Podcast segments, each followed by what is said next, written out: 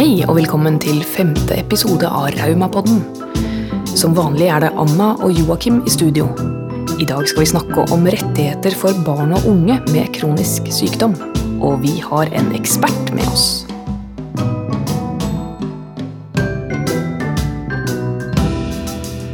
Velkommen tilbake, Atle Larsen. Du jobber i Rettighetssenteret i FFO og er oraklet på rettigheter for alle oss som lever med kronisk sykdom. Du har vært her tidligere og snakket med oss om rettigheter for, for kronisk syke. I dag har vi veldig lyst til å fordype oss i hvordan er det hvis man har et barn som er kronisk syk. Og hvordan er det å være ung og kronisk syk? Hvilke rettigheter har man da? Hva, hva ser du som det, de viktigste rettighetene man bør vite om hvis man har et sykt barn? Ja, er jo, nå er det jo slik at uh, også her det være, kan det være store individuelle forskjeller. Uh, men hvis vi først ser litt på, på Nav, så, så, har vi ordningen knytta til, uh, til sykt barn-ordningen omsorgspenger, som kan utvides hvis barna har en kronisk sykdom. Vi har noe som heter pleiepenger, vi har opplæringspenger, og vi har også noen andre Nav-ordninger som kan være relevante. Et område som vi på FFO sitt rettighetssenter får mye henvendelse på av foreldre, er jo dette med utdanning. Eh, grunnskole, videregående, men særlig grunnskole. Dette med å klare å tilrettelegge godt nok for eleven og elevens eh, særskilte behov, som både kan handle om pedagogisk tilrettelegging, men også fysisk tilrettelegging. Ja, det kan jo være at man f.eks. får eh, transport til og fra skolen, at man får to sett bøker, eller at man får gymtimen litt senere på dagen. Det trenger ikke være så store ting som man gjør for å lage en stor forskjell for barnet. da.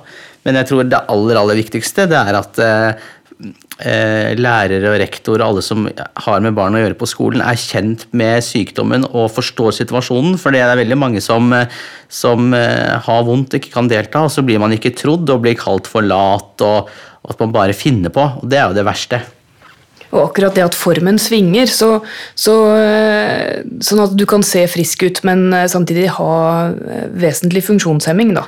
Ja, du kan jo være toppskårer på fotballaget ditt på kvelden, hvor læreren er en pappa, og så kommer du på skolen dagen etterpå og kan ikke være med på gymmen. Og det er jo ikke så rart at det er litt vanskelig å forstå, men sånn er nå eh, essensen av sykdommen, da. Hvilket lovverk er det som regulerer det her? Er det innenfor eh, helse eller skole? Nei, Hvis vi starter med skole, så er det opplæringslova som er ramme, rammeloven rundt dette.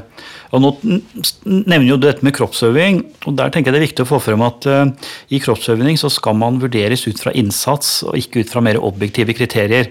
Uh, slik at uh, der bør man ha en god dialog med kroppsøvingslærer, og hvis man har en, går, går, har en fysioterapeut man går fast til f.eks., så kan det være veldig bra hvis man kan koble den fysioterapeuten opp mot skole og kroppslærer, slik at de sammen kan lage et ålreit opplegg i kroppsøvingsfaget for eleven.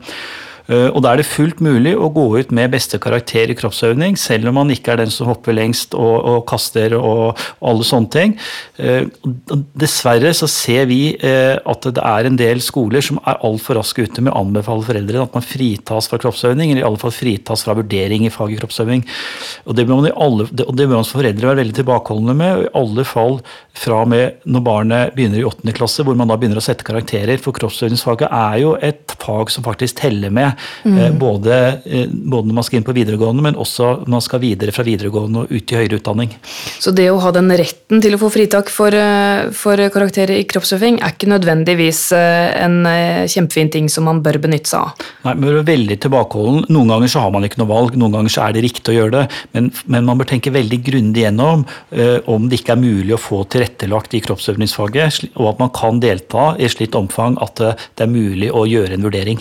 Er det f.eks mulig i noen tilfeller at eh, når det er kroppsøvning, at man heller går til fysioterapeut i den timen, og så er det fysioterapeuten som setter karakter på innsatsen din?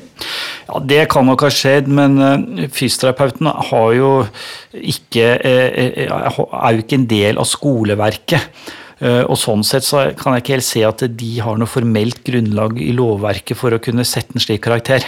Så jeg tenker at det er i så fall da man strukket regelverket, tenker jeg. Da er det mer et samarbeide, da. Eh, kunne det jo vært ikke sant, at fysioterapeuten lager en plan for dette kan denne eleven faktisk klare og kan jobbe, jobbe mot, og så, så jobber man med det personlige målet, kanskje i kroppsøvingsfaget. Ja, og det ser vi fungerer bra mange steder.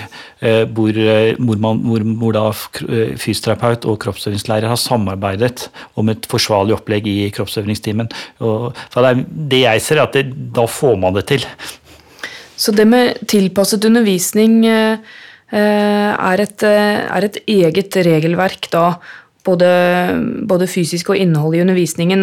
Joakim, du var inne på dette her med ekstra sett med bøker, for det handler om å måtte bære mye til og fra skolen, ikke sant? Hva, kjenner du noen som, som løser, løser, det på den måten? Ja, det er veldig mange som har ekstra sett med bøker, ja. Og så er det noen som har f.eks. får inn en god, god, stol. Mange av de barneskolestolene er jo veldig vonde, da. Som en, en stol og, og hev senkpult. Men ofte så er det den tilretteleggingen som ikke er eh, så synlig for eh, andre, for det er veldig viktig, tror jeg, at man ikke måte blir den annerledese, på en måte, mm. men at det er smoothe, små eh, tilrettelegginger, som f.eks. Eh, ja, ha gymtimen senere på dagen, ha klasserom i første etasje, to sett bøker, ja. ja. Enkelt og greit, det gjør det mulig å fungere på skolen. Mm. Eh, hva annet er viktig for foreldrene, da? Eh, det, det er jo veldig krevende å ha et, eh, et barn med kronisk sykdom. Hva, hva, gjelder deres rett i forhold til jobb og fravær fra jobb og sånne ting? Ja, Vi har en generell bestemmelse i arbeidsmiljøloven som sier at man kan ha krav på å, jobbe, å få jobbe redusert en periode. En periode kan godt være flere år. Hvis man har bl.a. omsorg for barn med særlige utfordringer som gjør det vanskelig å kombinere omsorgen med full jobb. Eh, Hvem betaler lønna di da? Det er en ordning hvor man da eh, går ned tilsvarende i lønn. Så går man fra 80 til 100 til 80, så går man ned 20 i lønn. Eh, men så har vi to andre ordninger. Den ene er den ordningen som alle, alle yrkesaktive foreldre har, nemlig omsorgspenger frem til barnet er tolv år. Eh, da er det slik at man kan være borte fra jobb når barnet, barnets helsesituasjon tilsier det, tilsier det, eller man må følge opp barnet i møte med helsetjenesten, følge barnet på sykehus, eh, til lege osv. Mm. Eh, så, kan, så kan det innvilges ekstra omsorgsdager, nemlig ti ekstra dager til hver av foreldrene hvis begge er yrkesaktive, dersom barnets tilstand gir markert økt risiko for at foreldrene er borte fra jobb. Da øker man kvoten med ti dager. Så hvis man har én til to barn eh, under tolv år, så vil man da istedenfor å ha ti dager hver, så vil man ha 20 dager hver. 40 dager til sammen. Mm. Og har man tre eller flere barn, hvorav én oppfyller disse kriteriene for ekstra dager, så vil hver av foreldrene da ha 25 dager hver. Mm. Altså 50 dager til sammen. Og I tillegg, og det er kanskje vel så viktig, så vil man kunne beholde ordningen frem til barnet er 18. Altså Den Oi, opphører ja. ikke når barnet er 12 år. Men er det noe man må søke ekstra om? Å få, den, eh, få rett til da lengre egenmelding med sykt barn? Ja, Det er et eget søknadsskjema på nav.no som skal fylles ut. Og så er det viktig å klare at alle de ekstra dagene betales fullt ut av Nav og ikke arbeidsgiver. Det er viktig, så klart, så det belaster ikke arbeidsgiver. Um, omsorgspenger, uh, sa du.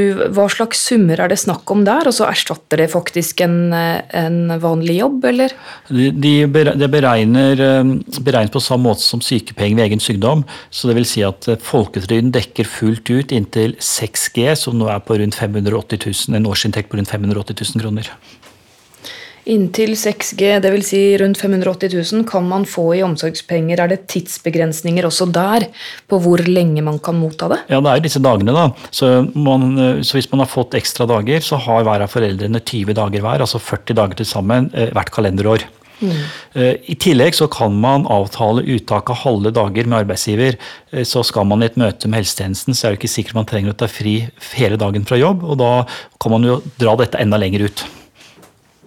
Hva med hvis barnets sykdom i en periode er såpass alvorlig at uh, si et helt år, at man ikke kan jobbe i det hele tatt? Hva skjer da? Ja, Det trenger ikke være et, et år engang. Hvis barnet kommer inn i en situasjon over noen uker hvor eh, foreldre, en av foreldrene, eller kanskje begge hvis det er veldig alvorlig, må være til stede hos barnet, så kan man søke om pleiepenger. Ja. Eh, Der er det ingen begrensning på hvor, eh, hvor lenge man kan motta det. og Man har også krav på fri fra jobb. Arbeidsgiver kan ikke nekte en permisjon den perioden man mottar pleiepenger. Det er nå direkte nedfelt i arbeidsmiljøloven. Eh, Og pleiepenger vil da være en ordning som som gjør at man kan være borte ned til 20% altså kombinere det å jobbe 80 med 20 fravær, eller være borte 100 eh, i perioder hvor det er behov for det. Eh, Og da eh, er terskelen for å få det den er senket. Man fikk, har fått en ny pleiepengeordning som gjør at langt flere vil være omfattet av den. Eh, og, det, ja, og det betyr nok at at ikke minst dette med å kunne jobbe, bruke den til å jobbe redusert i perioder, Ja. når barnets situasjon tilsier det, eh, vil nok være en mulighet nå som åpner seg for langt flere foreldre enn tidligere. Så det blir lettere for foreldrene å beholde jobben sin rett og slett med den nye ordningen for pleiepenger. Ja, og De beregnes på samme måte som sykepenger og omsorgspenger, altså full dekning inntil 6G. Fantastisk eh, spennende. Joakim, hva annet er det som er viktig for barn og unge? Eh, Det er å, å fullføre, tenker jeg. Altså, vi snakket i forrige episode om eh, viktigheten av å komme seg i jobb, og da er det å fullføre videregående og aller helst eh, ta en utdannelse som er viktig. Og det er jo andre rettigheter eh, som eh, er når man er i grunnskolen, til og med videregående, mens når det gjelder høyskole, så er det den fysiske tilretteleggingen går mer under da univers, universell utforming. Så det handler om å ha en god, god dialog med studiestedet og få, få til en, eh, en tilrettelegging. Da. Men det man har krav på, det er jo eh, at man kan få eh, høyere del av studielånet omgjort til eh, stipend. Og så kan man ta studien over flere år, da. Stemmer ikke det? Jo, her har det blitt en, eh, en styrking av eh, studiefinansieringen for studenter som pga. helseutfordringer eh, må bruke lengre tid eller ikke kan jobbe ved siden av studiene. Mm. Og de ordningene er litt sånn kort fortalt eh, hvis man ikke kan jobbe ved siden av studiet, eh, så får man et ekstra stipend som akkurat nå er på rundt 3006 i måneden. I tillegg til den ordinære studiestøtten. Og så kan man få studiestøtte i tolv måneder istedenfor nå er det vel normal studiestøtte, nærmer seg 11 nå. Eh, Men man får da full studiestøtte i tolv måneder. Eh, Og så kan man eh, få, for, få forlenge studiestøtten inntil to år. Normalt er det inntil ett, men man kan få ytterligere et år. Hvorav det siste året gis da fullt ut som stipend og ikke som lån. Mm. Hvis det er slik at man da etter å ha gjennomført utdanning og sitter med studielån, ikke kommer i jobb eller faller ut av jobb eh, på et senere tidspunkt, eh, så vil man eh, kunne få slettet hele deler av lånet hvis man innvilges minst 50% uføretrygd hos Nav. Det er jo bra å vite. Eh, For før så var det vel eh, vanligere at man kunne få støtte fra Nav eh, til å ta et studie når man var kronisk syk. Kan man fortsatt det? Ja, det kan man. Eh, Reglene er strenge. Eh, For det første så er det ikke mulig å få det før man har fylt 22 år. Ja. Det er først da Nav gir støtte til det som heter ordinær utdanning. Og Så gjør Nav en grundig vurdering av om det er behov for det. Er, er helsesituasjonen slik at man trenger høyere utdanning for å ha mulighet til å få jobb, og ikke bare jobb, men å kunne være i jobb stabilt over tid? Ja. Eh, Det er noe de legger vekt på. Og så er det utgangspunktet slik at de, gode, de gir ikke støtte til utdanning som, enn, eh, som, som går utover tre år. Det vil si at de kan gi støtte til en femårig utdanning, men da må man selv eh, finansiere de siste to årene. Det kan gjøres unntak, men hovedregelen er inntil tre år. Ja. Det finnes jo muligheter, f.eks. stiftelsen eh, Sofies Minde gir eh, støtte til eh, funksjonshemmede som tar høyere utdanning. Det er et eksempel. da. Man kan finne private, kall det det. Ja. Er det et legat, Støtte- Det er et eller? legat, ja, et legat, ja. ja. Um, har man utfordringer med å komme inn på enkelte høyskoler med opptakskrav, og sånn, så kan man se på muligheter for å søke på særskilt grunnlag. Og, så man må være litt sånn smart og se på de mulighetene som er der, og utforske litt. Og når det gjelder høyere utdanning, det, det viktigste vi vil formidle, er jo dette her Selv om du er kronisk syk, eh, hvis, eh, prøv å gjennomføre videregående. Og kom deg inn på et studie, og, og kanskje du trenger lengre tid og kanskje du trenger tilrettelegging. men Hvis du klarer å gjennomføre et, eh, et høyere studie, så har du veldig mye bedre sjanse resten av livet egentlig for å ha et bra liv med den sykdommen du har. Ja, jeg tenker det at uh, den viktigste for å bli værende, eller fullføre en utdannelse og bli værende i jobb, er jo at man finner noe man syns er artig å drive med og interessant. Uh, og så velg et studiested som har det temaet du liker å studere, og så må man finne ut av tilrettelegging og, og, og måter å gjøre det på etter at man har eh, valgt sin vei. Da, og sånn. alle studiesteder har jo det, en sånn koordinator for eh, funksjonshemmede studenter, har de ikke det fortsatt? Atle? Ja, i alle fall De større høyskolene og universitetene har jo en egen konsulenttjeneste som man kan oppsøke for å få hjelp til tilrettelegging og en del sånne praktiske utfordringer som måtte oppstå underveis. Og så finnes det studieveiledere på videregående, så vidt jeg vet. Som, eller, eller, veiledere der også, men eh, dessverre så er kunnskapen eh, til de ofte, eller i noen tilfeller, mangelfull, sånn at de råder til faktisk det motsatte en utdannelse i noen tilfeller, har vi hørt. Så ikke hør på alt som blir sagt, hør i hvert fall av flere forskjellige personer. Ikke sett deg ned og gi opp. Finn ut hva du syns eh, kan være gøy, og mm, prøv å komme inn på et studie der det kan være bra å være. Det fins hjelp å få også der. Og mange gode ordninger høres det ut som i forhold til Lånekassen. da. Jeg kan jo si at jeg tok jo en utdannelse på idrettshøyskolen hvor det var opptakskrav og hvor det var veldig mye fokus på, på det fysiske. Men, eh, men eh, eh, det var en læring også fra idrettshøyskolen når jeg kom inn, at eh, idrett handler ikke bare om å hoppe høyest eller løpe fortest, det er det teoretiske bak som er viktig. Og, og jo lenger opp man kom i studieløpet på idrettshøyskolen, jo mer eh, kunnskapen bak idrett ble viktig, da. Så eh, ja, det var Reklame for Idrettshøgskolen.